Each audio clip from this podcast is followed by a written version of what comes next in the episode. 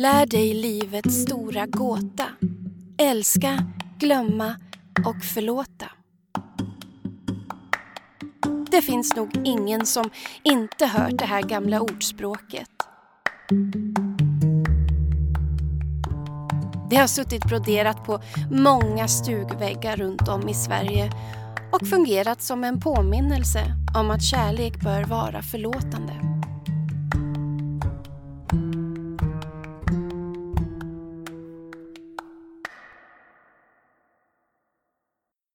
Är säkert en bra tankeprincip när det gäller oförargligt gnabb och gräl eller infekterade konflikter där egot har styrt bägge parter tills relationen, ja, gått i baklås.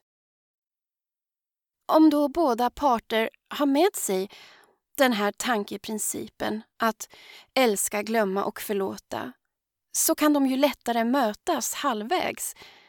Det blir ju bra. Men exakt hur många gånger ska man glömma och förlåta någon som upprepar samma skadliga beteende gång på gång och dessutom inte visar någon ånger? Är det verkligen hälsosamt att älska, glömma och förlåta om och om igen när det aldrig blir någon positiv förändring?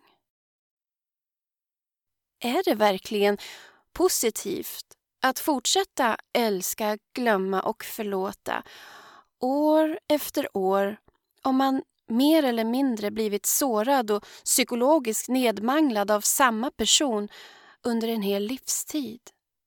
Ja, av ens egen förälder. Det här gamla ordspråket bjuder verkligen på många frågor. Hur många gånger är det egentligen rimligt att glömma och förlåta någon för exakt samma svek eller förödmjukelse? En, två, tre gånger, tjugo, femtio e-, eller hundra? Jag kommer att tänka på min orimlighetsprincip som jag pratade om i tidigare avsnitt. Det vill säga min tankeprincip om vad som är rimligt eller orimligt att acceptera inom en relation. Är det inte exakt det där som utgör en skadlig relation? Att man ständigt älskar, glömmer och förlåter någon som utsätter en för missbehandel. Att man stannar kvar. Tillåter mönstret att upprepas gång på gång, igen och igen. Att ständigt bli sårad, sviken, förödmjukad, skadad, utmattad, traumatiserad och att sedan fort glömma och förlåta så att allt bara kan fortgå utan att man får lov att så kallad krångla tjafsa eller kräva någonting av den som utsatt den för svek och skada. Nej, den ekvationen är helt enkelt orimlig.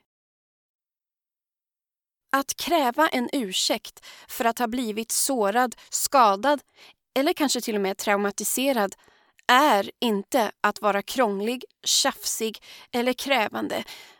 Det är högst rimligt. Det är istället orimligt att inte kräva en ursäkt eller förändring av det skadliga beteendet. Eller hur? Och på tal om krav.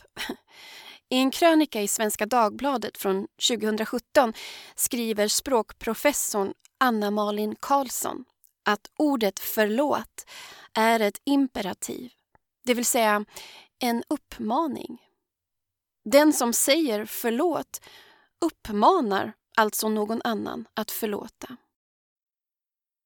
Så det blir alltså ett slags krav från den som gjort sig skyldig på att den som sårat ska ändra uppfattning om det som skett och komma till en förlåtande insikt. Men om det inte finns någon ärlig eller genuin ånger bakom detta krav är det endast sagt för att slippa undan ansvar, dåligt samvete och skuld.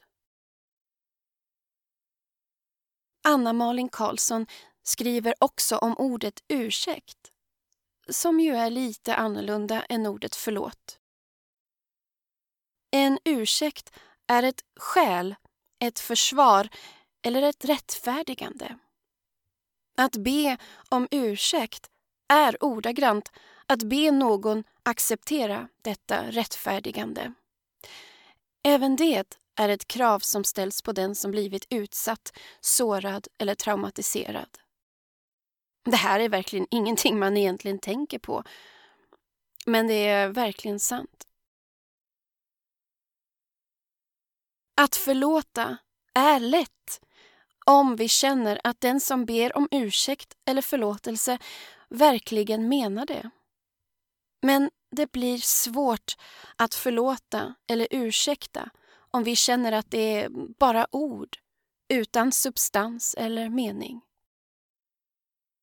Orden förlåt mig måste därför vara förankrade i både skuld och ånger för att kunna besvaras med den psykologiska och emotionella handlingen av att förlåta.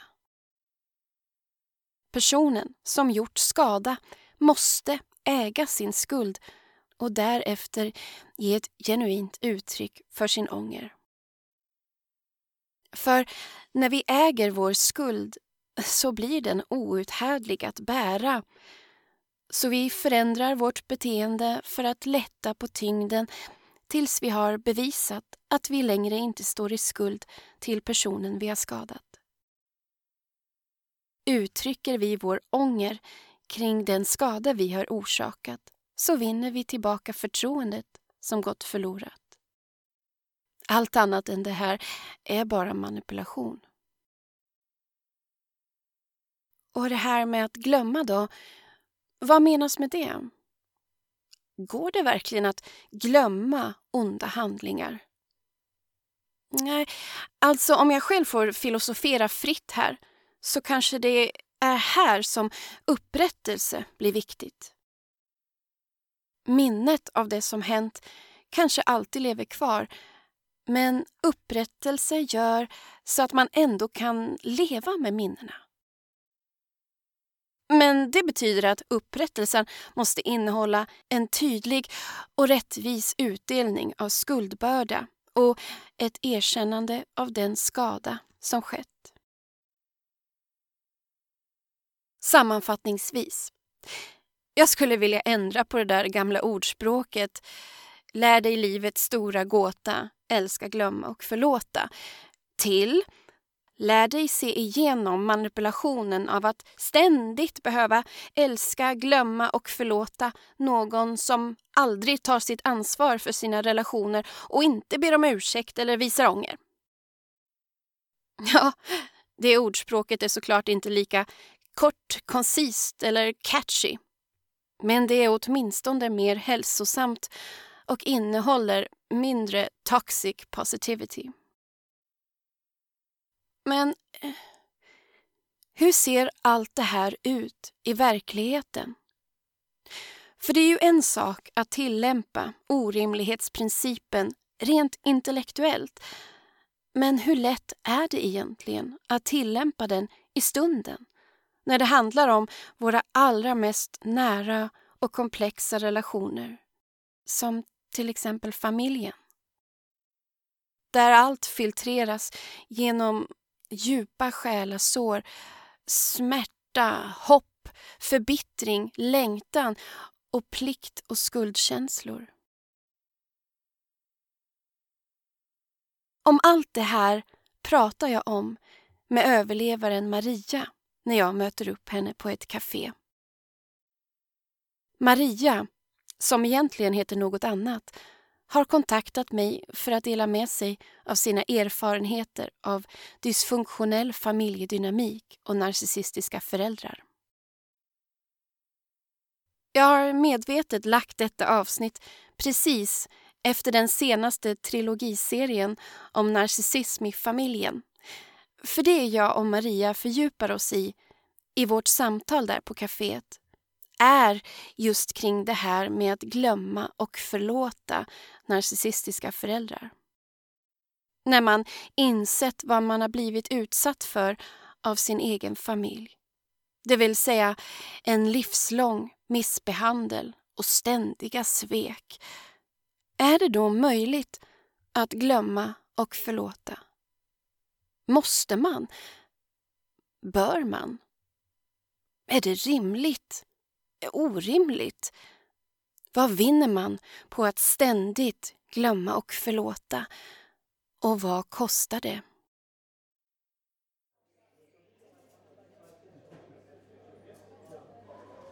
Du Maria, vad tror du om att dela dina tankar i podden om allt det här vi har pratat om nu med att glömma och förlåta?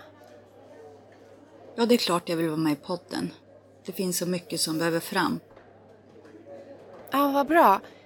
Och jag har ju precis skapat tre stora avsnitt om just narcissism i familjen. Så det skulle passa så bra. Du har så många kloka tankar. Och det är flera lyssnare som har hört av sig och sagt att de känner igen sig. De säger att det är en tröst för att de har varit så nedtyngda av allt som deras familjer lagt på dem. Vi får bära allt, vi som blivit utsatta. Inte nog med att vi blivit så illa behandlade att livet blivit omöjligt. Vi får skulden för det också när det händer och efteråt. Allt ansvar hamnar på oss. Att det hände, vad som hände, följderna av det och att ta oss ur det. Mm. Jag förstår precis. Sen får vi släpa på en massa skit som någon annan lagt på oss. Och det är vårt ansvar att bli av med det. Ja, ja det är verkligen orättvist. Att frigöra sig ur allt det där är verkligen smärtsamt och tungt. Och även om man lyckats göra sig fri från allt skit så blir man både utmattad och ständigt missförstådd av andra. Hela världen rasar och man måste ta krafter man inte har för att överleva. Då får du flosklerna på dig. Alla dessa floskler och klyschor. Ja, floskler och klyschor. Det finns många av dem. Acceptera det som hänt och förlåta och gå vidare. Annars har man inte kommit någon vart med sig själv. Lägga händelser bakom sig, blicka framåt och gå vidare med sitt liv. Vara tacksam för livets vedermödor som gjort oss till den vi är. Ja. Jag låter Maria prata utan att avbryta och låter hennes berättelse sjunka in i mig. Hon har rätt. Det är verkligen så mycket som behöver få komma fram. Smärtsamma saker, men också viktiga insikter och stärkande tankar som inspirerar.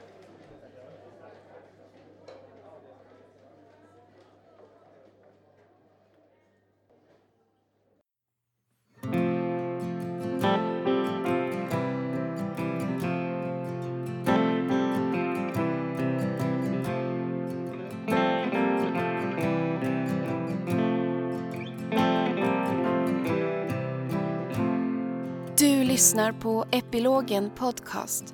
Jag är Mia Makila och det här är Glömma och förlåta, Marias epilog.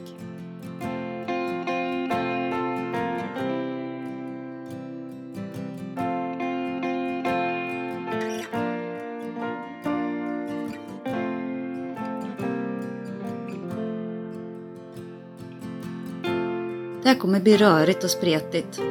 Det kommer bli upprepningar och berättelsen kommer gå i cirklar. För det är så livet med dysfunktionella relationer är.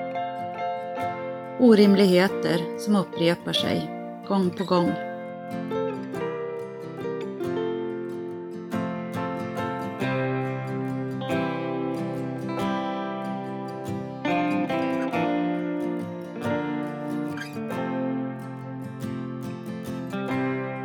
Jag?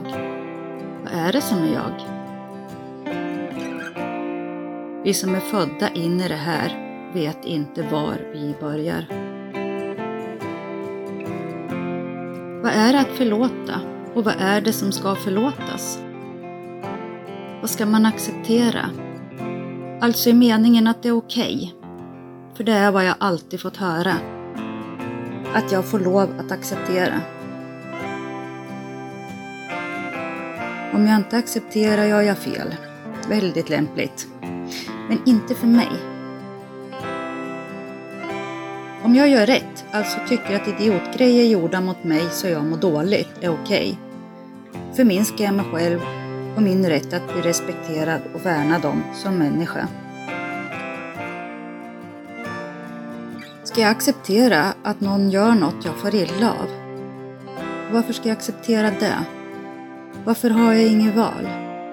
Är det för att det blir konsekvenser för andra om jag har något annat att välja på?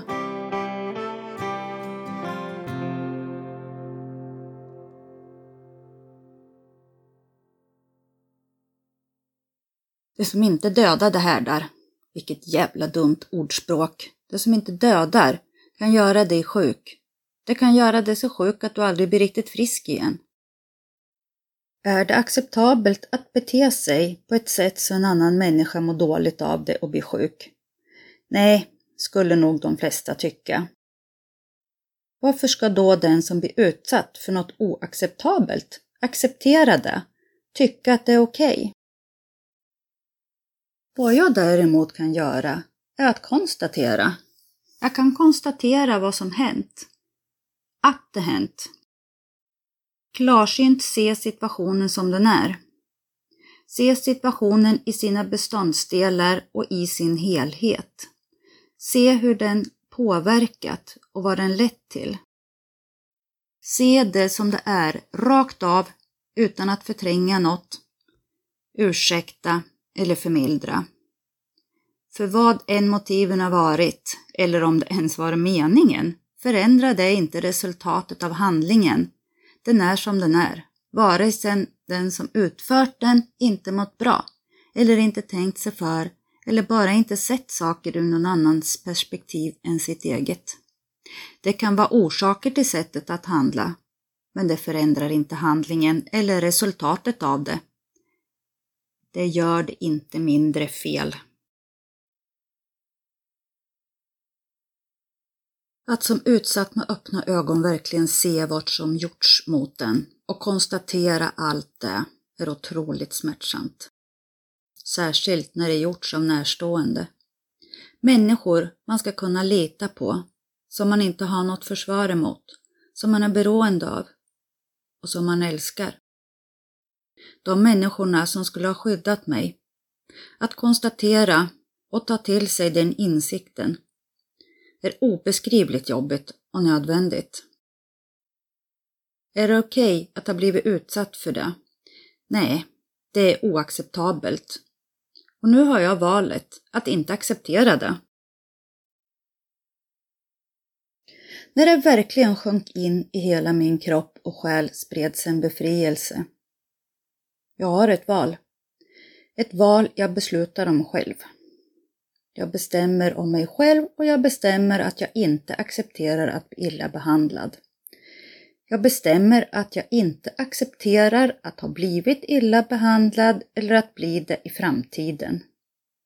Jag tar de besluten åt mig. Det gör inte de som tagit beslut som drabbat mig eftersom de bara tänker på sig själva. Jag har fått livssituationer och händelser på mig mot min vilja, bestämt över huvudet på mig Ibland har beslut tagits som man vet blir till min nackdel och det ska jag acceptera. Andra gör och det händer mig. Men nu blir det ju också riktigt besvärligt. Jag kan inte ha de här människorna omkring mig längre. Deras syn på mig och deras sätt mot mig ändras inte. De varken vill eller kan. Det är också ett hårt konstaterande. När man försökt allt och lite till, gång på gång, blivit lovad dyrt och heligt, förlåtet och börjat om i årtionden. Allt bara för att bli totalt söndermald, om och om igen tills ingenting finns kvar mer än att ge upp När man är som allra svagast ska man ta ett av livets värsta beslut. Så här efteråt kan jag se det positiva med att jag ändå hade ett beslut att ta. Ett val. Jag är vuxen nu. När jag var liten hade jag inget att välja på. Det gjorde andra åt mig, totalt hänsynslöst. Nu är beslutet att ta avstånd från delar av sin familj inget val man gör för att det är bra, utan för att det är det minst dåliga. Det andra alternativet är värre. Ett val för att man är nödd och tvungen. En sista utväg.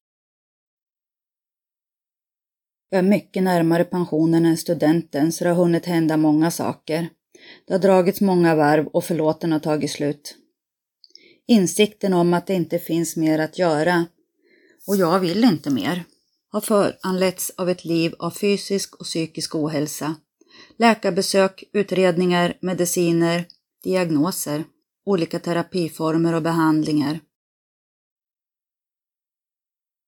När man kommer till att det här går inte följer ett hårt arbete. Inte nog med att man får göra det medan man dras med sviterna efter ett liv med dessa relationer. Det är också jag som är den där besvärliga. Alltså säger ifrån i en totalt oacceptabel situation. Får orimliga mängder skit för det och det får jag på väldigt förnedrande sätt. Där jag återigen försöker påtala att jag har samma existensberättigande som alla andra människor. Tills jag får konstatera att jag inte har något mer att säga och att jag har lyssnat färdigt. För det är inget nytt som sägs egentligen, men det blir värre och värre saker som sägs till mig. Eftersom jag tydligen vägrar att foga mig och hålla med måste jag ju trycka till ordentligt. Alltså för att jag har motargument mot rena lögner och att jag säger ifrån att jag inte behandlas på det här viset. Det finns inget att välja på än att kliva åt sidan så jag inte finns kvar att missbehandla. Konsekvenserna blir allt för stora. Jag har insett att jag inte klarar det en gång till. Sjuk är jag redan. Sjukvården har insett vad det beror på men jag har haft svårt att ta det till mig. Jo, med förnuftet. Men om jag bara gör si eller så. Om jag bara jobbar med mig själv. Och alla har ju lovat att det är slut med det här nu. Ändå händer det. Och det beror tydligen på mig varendaste gång.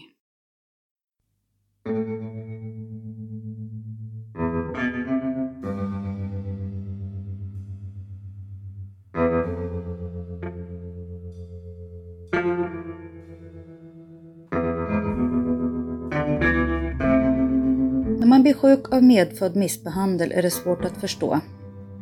Det är inte en händelse, ett tillfälle. Det finns liksom inget att sätta fingret på. Alla ens referensramar är anpassade till en situation. En programmering och omprogrammering av tankar, känslor, instinkter och reaktioner.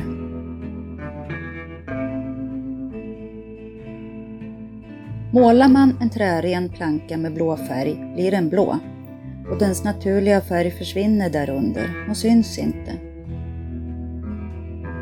Allt som hänt, alla människors handlande och avtryck och framförallt pressen att försöka hålla emot. Att vad som än händer och vad man än utsätts för så det är bara att försöka hålla näsan över vattenytan och fortsätta som om ingenting har hänt. Kan inte passera obemärkt förbi.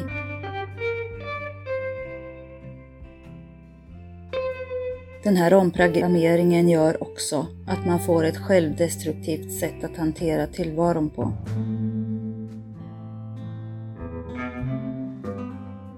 Tittar man på det utifrån är det så självklart. Som att om någon slår en annan människa på benet tillräckligt hårt med en slägga går benet av. Ingen ifrågasätter det eller tycker att det är det minsta konstigt. Och det är inte benet som är svagt. Det är den som svingade släggan som orsakade frakturen. Helt oacceptabelt att någon gör så mot en annan människa och helt självklart att den människan går sönder. Att benet inte höll är okej. Okay. Det går att acceptera.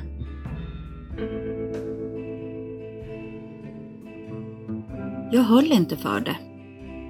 Är ord jag hörde som ett annat sätt att säga att man inte klarar en situation. Ett sätt att hantera något, ett sätt att leva eller vad andra utsätter en för. Kanske säger alla så på det finlandssvenska språket, men det var första gången jag hörde det och det är ett sånt bra uttryck. Det träffade rätt. Bättre och säger mer, som det är, än att inte klara av något. Då blir det prestationsladdat och negativt. Allt ska inte klaras av. Men ändå är det alltid den som inte håller som får vara den dåliga och inte den eller det som pressar för hårt. Att inte hålla för något balanserar relationen mellan orsak och verkan. Det lyfter skulden från den som blir utsatt.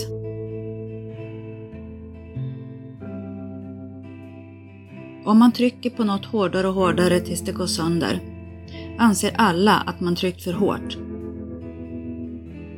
Men om man trycker hårdare och hårdare på en människa tills den går sönder är det den som inte klarar av det, som är dålig och inte den som tryckte för hårt. Det är väldigt konstigt.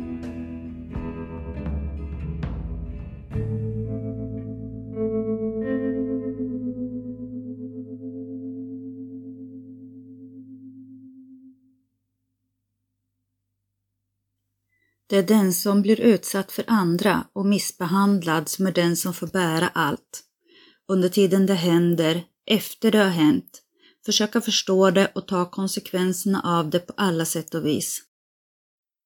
Vara den som försöker förhindra att det händer och försöka sätta stopp för det. För alltid. Vilket oftast innebär att man behöver bryta helt, vilket innebär att man förlorar sitt liv, men hela eller delar av familjen. Man blir den som till slut efter många års kämpande och efter att ha provat allt och misslyckats är tvungen att ta beslutet att också sätta det i verket. Att dra den tydliga gränsen och hålla den. Man är den som får leva med smärtan, som får ta allt ansvar och alla konsekvenser. Sen kommer flosklerna. Sen ska man acceptera, förlåta och vara tacksam. Det är drabblet att man ska acceptera det som hänt, förstå och förlåta för att få frid. Till och med den kristna trosbekännelsen säger att vi ska förlåta dem oss skyldiga äro. Nej, en normalt funtad människa kan inte förstå. En människa med empati kan inte förstå hur en människa utan empati kan handla som den gör. Den gör så för att det är något som fattas hos den helt enkelt. När man har det blir det obegripligt. Men visst, man kan förstå att man inte kan förstå och konstatera att bättre än så blir det inte. För mig var det en fridfull insikt.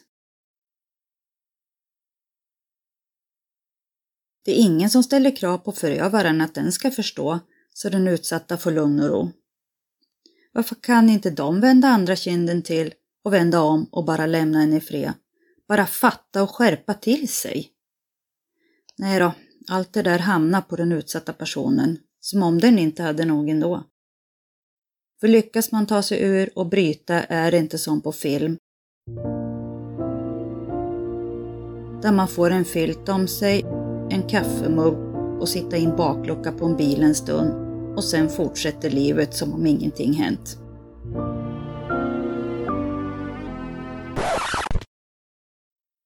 Nej, vi ska leva med oss själva och den vi mot vår vilja har blivit i resten av livet. Och så ska vi förlåta dem oss skyldiga äro. Vi ska förlåta att de som skulle ha skyddat och tagit hand om oss istället skadat oss, pressat så vi blivit sjuka, så vi inte någonsin blir som vi skulle ha varit utan allt det här. Konsekvenserna av det andra gjort dumpas på den det gjorts emot. Den som gjort andra illa får inga konsekvenser. Tvärtom så är det oftast väldigt synd om den som blivit lämnad, för den har ju inte gjort någonting. Nej, just det. Det är därför man kommer till att det enda alternativet är att bryta med dem, för då blir ingen förändring.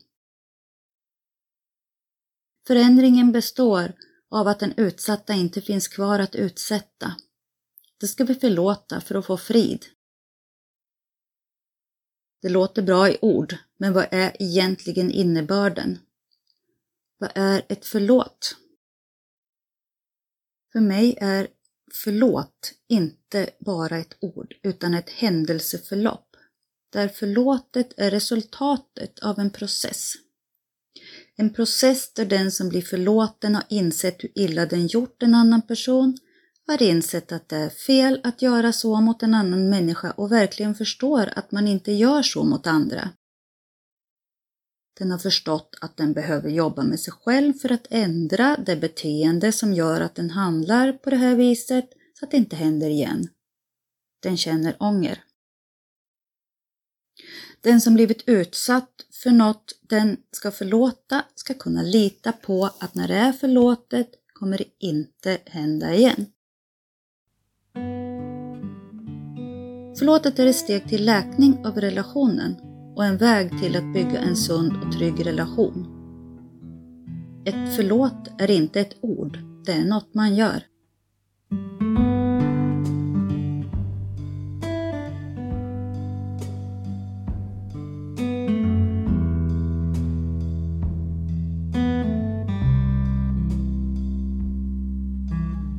Händer när den här processen inte äger rum? Eller ännu värre när den verkar göra det och den utsatta gör sin del. Tänker efter och funderar om den kan förlåta. Ägnar mycket kraft och energi åt att lita på sin förövare igen, som i en sån här period är ångerfull och förtroendeingivande. Relationen verkar fungera riktigt bra.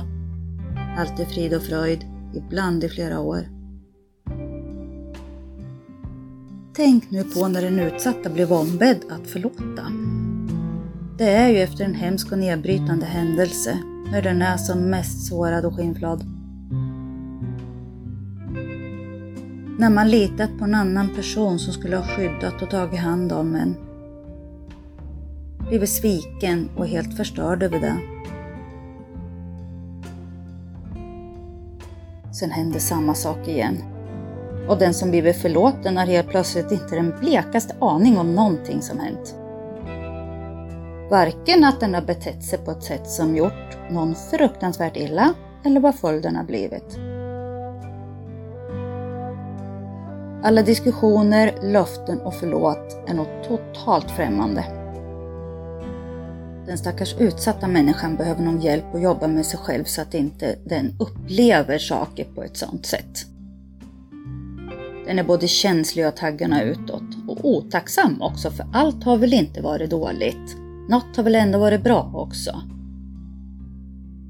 Eller att anledningen till handlandet är något den utsatta inte förstår för den vet minsann inte allt.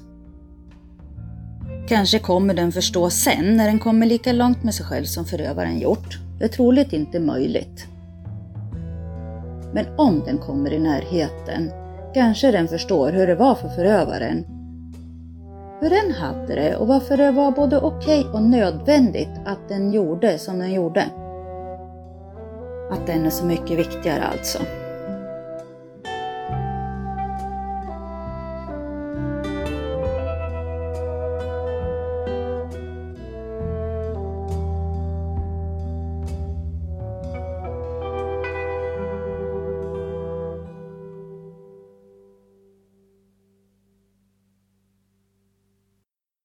Så här håller det på. År ut och år in. Genom uppväxt, tonår, vuxenliv, bröllop, barnafödslar, dop, begravningar. Studentfiranden, jämna födelsedagar och i med och motgångar. Vardagens alla händelser levs under pressen av att parera och balansera andra människor och deras påverkan. Det är de som hela tiden blir huvudpersonerna och det trivs de med. Allt kretsar egentligen kring relationerna med dem och vad som händer där. Om det fungerar bra eller dåligt för tillfället. Pressen är omänsklig. Leder förlåten oss skyldiga äro till frid och läkning? Är det slutet på en situation och början på att bygga upp något sunt, kärleksfullt och tryggt? Narcissister eller människor som av olika anledningar beter sig så här mot andra, oftast de som står närmast, kan inte genomföra händelseloppet som resulterar i ett förlåt. De är inte kapabla till det, de har det inte det som krävs. Något fattas för att sätta sig själv i ett sammanhang och reflektera över sig själv i relation till andra människor.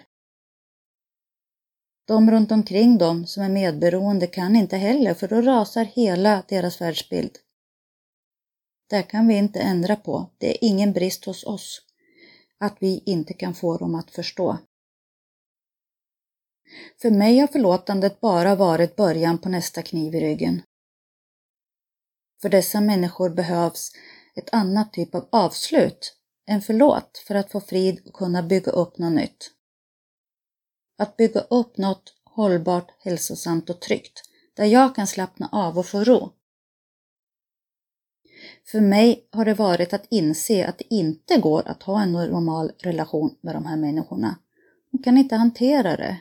Allt det de utsatt mig för i form av händelser, deras beteende och deras inställning till mig är oacceptabelt.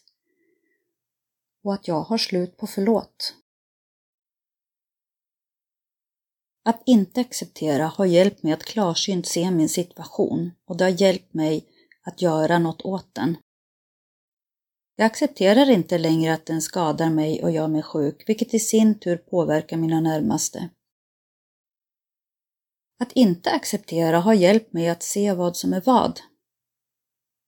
Vad är det som är jag och vad är det som påförts mig? Vad jag inte accepterar att jag blir utsatt för har hjälpt mig att verkställa mina gränser och hålla dem. Jag uttrycker mig så för att gränser har jag alltid haft men de har totalt ignorerats eftersom de inte ansetts viktiga. Att respektera mina gränser har aldrig gjorts. Och det kommer inte heller att göras eftersom förmågan saknas. Så jag är den som måste se till att verkställa gränserna på det sätt som går. Alltså ha så lite med de här personerna att göra och hålla på dem eftersom det inte finns någon förståelse för dem så de hela tiden knapras in på. Olika människor behöver jag sätta olika gränser för beroende på hur mycket de själv fattar. Jag kan genom att inte acceptera det som hänt mig sortera ut vad som är viktigt för mig i mitt liv. Det hjälper mig också med vad jag kan acceptera. Vad är det då som ska accepteras? Vad kan jag acceptera? Mig själv kort och gott.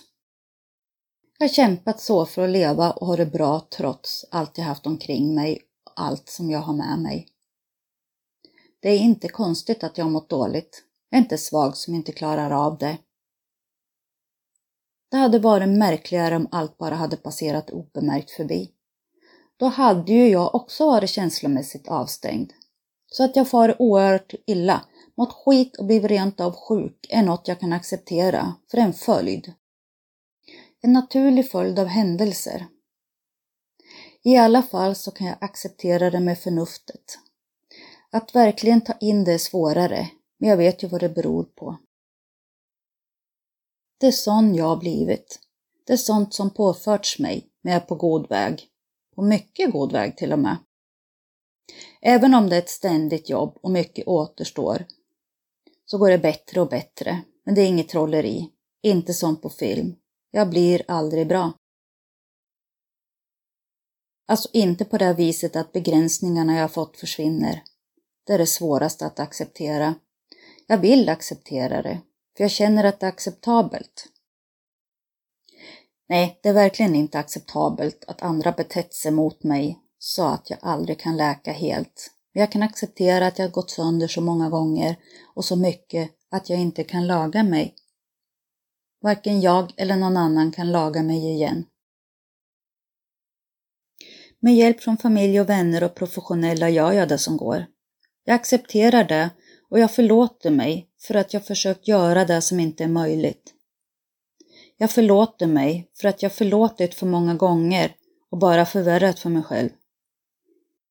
Jag kan förlåta mig själv för att jag kämpade för länge. Tog för mycket stryk. För att jag var för envis.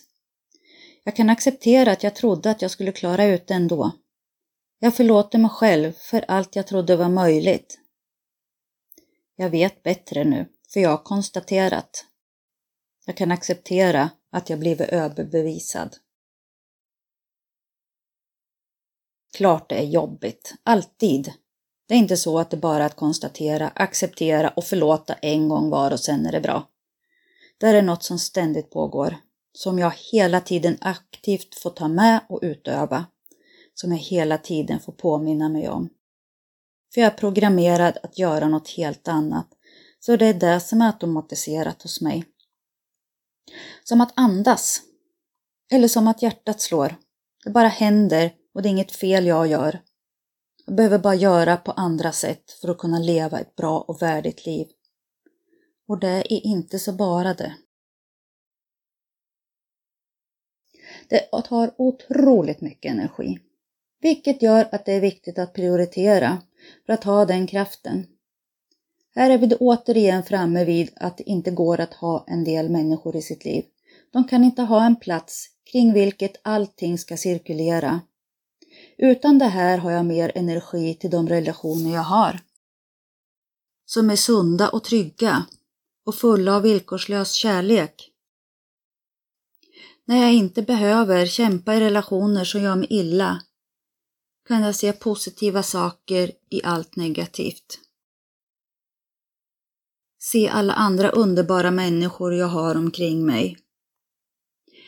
Min fantastiska familj mina kära vänner, alla som ser mig och helhjärtat stöttar, de allra flesta har jag kvar. Jag är väldigt lyckligt lottad och jag har så mycket att vara tacksam över. Klart att det blir en kluvenhet i att må dåligt av allt som hänt, men sakna de bra stunderna och samtidigt känna friheten att slippa pressen och den dåliga känslan. Ångesten Eftersom allt det här är för att empatin för mig inte finns och att mina gränser aldrig betytt något så har jag nu jobbet att de hålls. Det är bara att förhålla sig till att det ligger på mig. Jag får också förhålla mig till att inte bli förstådd. Jag accepterar att jag gjort allt och att det är okej okay att de ändå inte fattar. Jag tror inte att de kommer kunna det. För har det inte hänt på över 50 år så är det knappast troligt. Vill de förstå så är det deras sak. De har haft alla chanser. Det finns folk som jobbar med sånt, som de kan söka sig till och få hjälp. Jag har förklarat klart och känner bara att det är skönt att jag inte ens vill försöka mer. Det ger mig frid. Jag har gjort det bästa av situationen nu och det är okej. Okay. Det är mer än okej. Okay. Det är bra.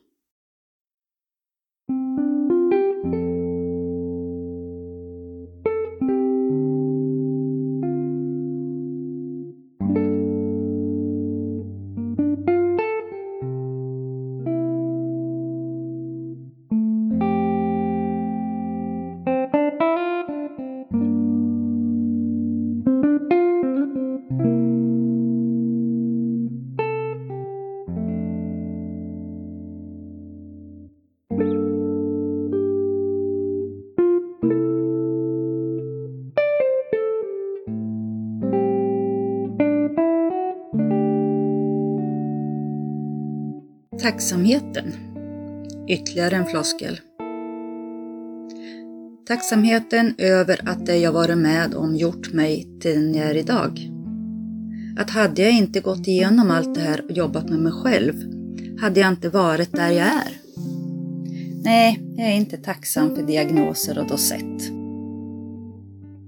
Jag vore väldigt tacksam om jag hade sluppit malas ner mellan andra människors egon varit tvungen att utveckla strategier för att skydda mig. Strategier som skadar mig. Fått mina känslor ommöblerade till oigenkännlighet. Att inte bli sedd för den person jag är, utan som den de behöver ha mig till. Den de behöver att jag ska vara för att de ska kunna administrera sina liv.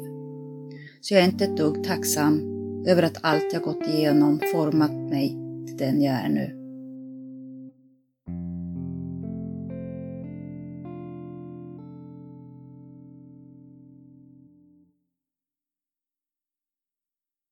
Det där är bara ytterligare en floskel.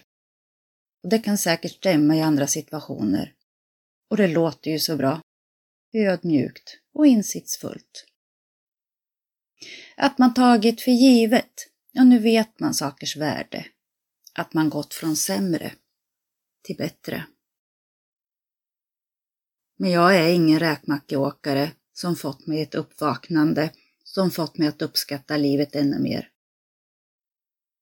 Jag är född in i en dysfunktionell miljö med relationer och sätt att hantera saker som skadat mig.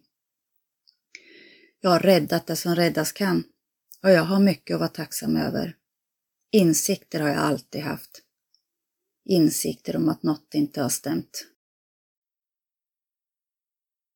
Föreställningen jag hade när jag var liten om att alla vuxna alltid gör rätt har ändå alltid haft sina tvivel. Jag har inte fått ihop det. Det är jag tacksam över. För jag tror att det där fröet av det som är jag alltid har uppmärksammat mig. Jag gick liksom aldrig på det. Att de hade rätt och jag var fel. Det hade nog varit lättare om jag hade gjort det. Men nu är jag tacksam att jag var bråkig och jobbig. Och hur kämpigt det än var så tror jag att det höll min egensinniga person vid liv den som är bara jag. Jag är tacksam över all professionell hjälp jag fått. Att jag träffat rätt människor som kunnat hjälpa mig att reda i mina tankar. Hjälp mig att fokusera på det som är viktigt för mig och vilka gränser jag behöver ha. Jag är tacksam över att jag tidigt bestämde mig för hur jag inte skulle ha det när jag blev stor. Mig har det slagits färdigt på och allt kan rimligtvis inte vara mitt fel. Jag är tacksam över min beslutsamhet och målmedvetenhet. Jag är tacksam att jag kan leva det liv jag vill, om än i mindre skala. För jag har det så nu. Jag är älskad och respekterad för den jag är, inklusive alla mina dåliga sidor. Min familj och mina vänner har stöttat mig och haft ett tålamod utan dess like. Härskartekniker och våld förekommer inte i vårt hem. Vi är snälla mot varann. Jag känner mig trygg här. Jag är tacksam över dem jag har kvar. De som ser min situation och stöttar mig, även om de själva inte är drabbade som ser från olika perspektiv beroende på var i vår familjesammansättning de är. För alla har vi fått olika mycket slängar av sleven, så jag är inte ensam i det här. Men vi behöver hantera det på olika sätt. Och vi är lite olika personer att hantera och vi stöttar varandra i det och är tacksamma över att vi har varandra och vi håller ihop.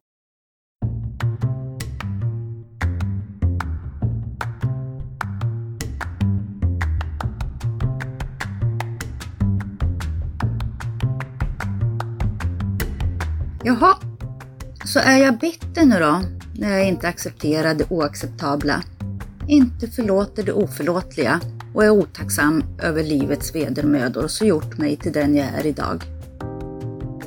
Har jag inte kommit någon vart med mig själv, inte slutat älta och gått vidare? Jo, det är just det jag har. Tack vare att jag verkligen vänt in och ut på de här begreppen och min erfarenhet är att de har använts i fel syften. Allt ansvar hamnar på offret. Ja, det är jag förbannad över. Även fastän jag vet att de inte är kapabla. Men det är också väldigt lämpligt att inte vara kapabel till att ta ansvar. Det går alldeles utmärkt att använda sig utav det. En viss del av det handlar om vilja också. Och det kan jag bli förbannad över ibland. Så nej, jag är inte bitter. För nu behöver jag inte längre acceptera. Det jag tidigare blivit tvungen att acceptera har bara lett till att mina gränser, ja, hela människan jag, blivit överkörd till både kropp och själ. Så att acceptera det som hänt finns det inget läkande i för mig. Det är inte jag som är en oförsonlig människa, som inte kan förlåta när förlåten har använts till att få tyst på mig. Få mig att sluta kämpa emot, när argumenten tagit slut eller när ertappningen är total. När ett förlåt bara varit början på nästa svek finns ingen försoning där att få. När den andra parten i förlåtet inte har samma begreppsvärld som jag, då är förlåtet inte ett alternativ, utan det är just att inte förlåta. Sätta den gränsen där jag själv bestämmer var jag vill ha den, som ger mig det här lugnet. Det är stopp där nu, så jag kan lämna det bakom mig. Mitt liv blir sig aldrig likt, men jag har också mycket kvar. Så många fina människor och mycket kärlek och omtanke omkring mig. Och det är det som har gjort mig till den jag är idag. Att bli illa behandlad har stympat mig och gett mig bestående men. Inga av mina egenskaper har kommit ur det, så jag är inte som jag är tack vare, utan trots. Det är jag. Det där lilla fröet som fanns långt inne i mig och var ledset och kände att något var galet och fel och skrek och slogs och var besvärligt. Det där fröet av mig själv som fick nog och vägrade att inte blomma. Jag vet egentligen inte om min epilog är en epilog. Det här är inte en situation jag gått in i och sen ut ur. Det finns inget före och efter. Jag är född in i en familj, en släkt. Det är ingen avgränsad händelse utan många generationers liv och sätt att hantera livet på som samlats i oss. Trots att jag inte träffar alla längre så pågår allt även utan mig och då och då korsas våra vägar. Så är det nog så att det här också är en lägesrapport. Det är också helt klart ett efter. Efter livsavgörande beslut och handlingar ur hur jag lever med det. En sak är då säker. Och det är att härifrån finns det ingen återvändo. Så den här epilogen är den senaste. Och också en prolog. För fortsättningen. På resten av livet.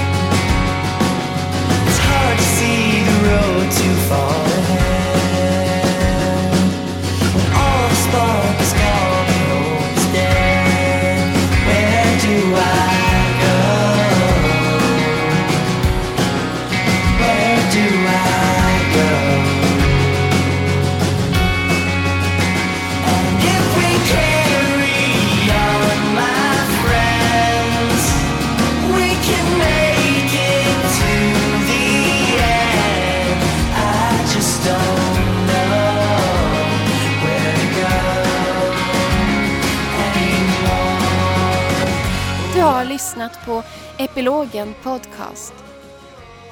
Tusen tack till dig Maria för ditt mod att berätta öppet om dina erfarenheter av skadlig familjedynamik. Och tack för dina kloka insikter som säkert stärker och tröstar många andra som lyssnar och känner igen sig. Lyssna gärna på mina tidigare avsnitt om narcissism i familjen men också på Siris epilog Min narcissistiska mamma som ligger lite längre ner på avsnittslistan. Jag som producerar Epilogen Podcast heter Mia Makila och är konstnär. Mer info om mig och podden finns på miamakila.com. Musiken i avsnittet är poddsäker. Mer info om låtarna finns i avsnittsbeskrivningen. Tack för att du har lyssnat.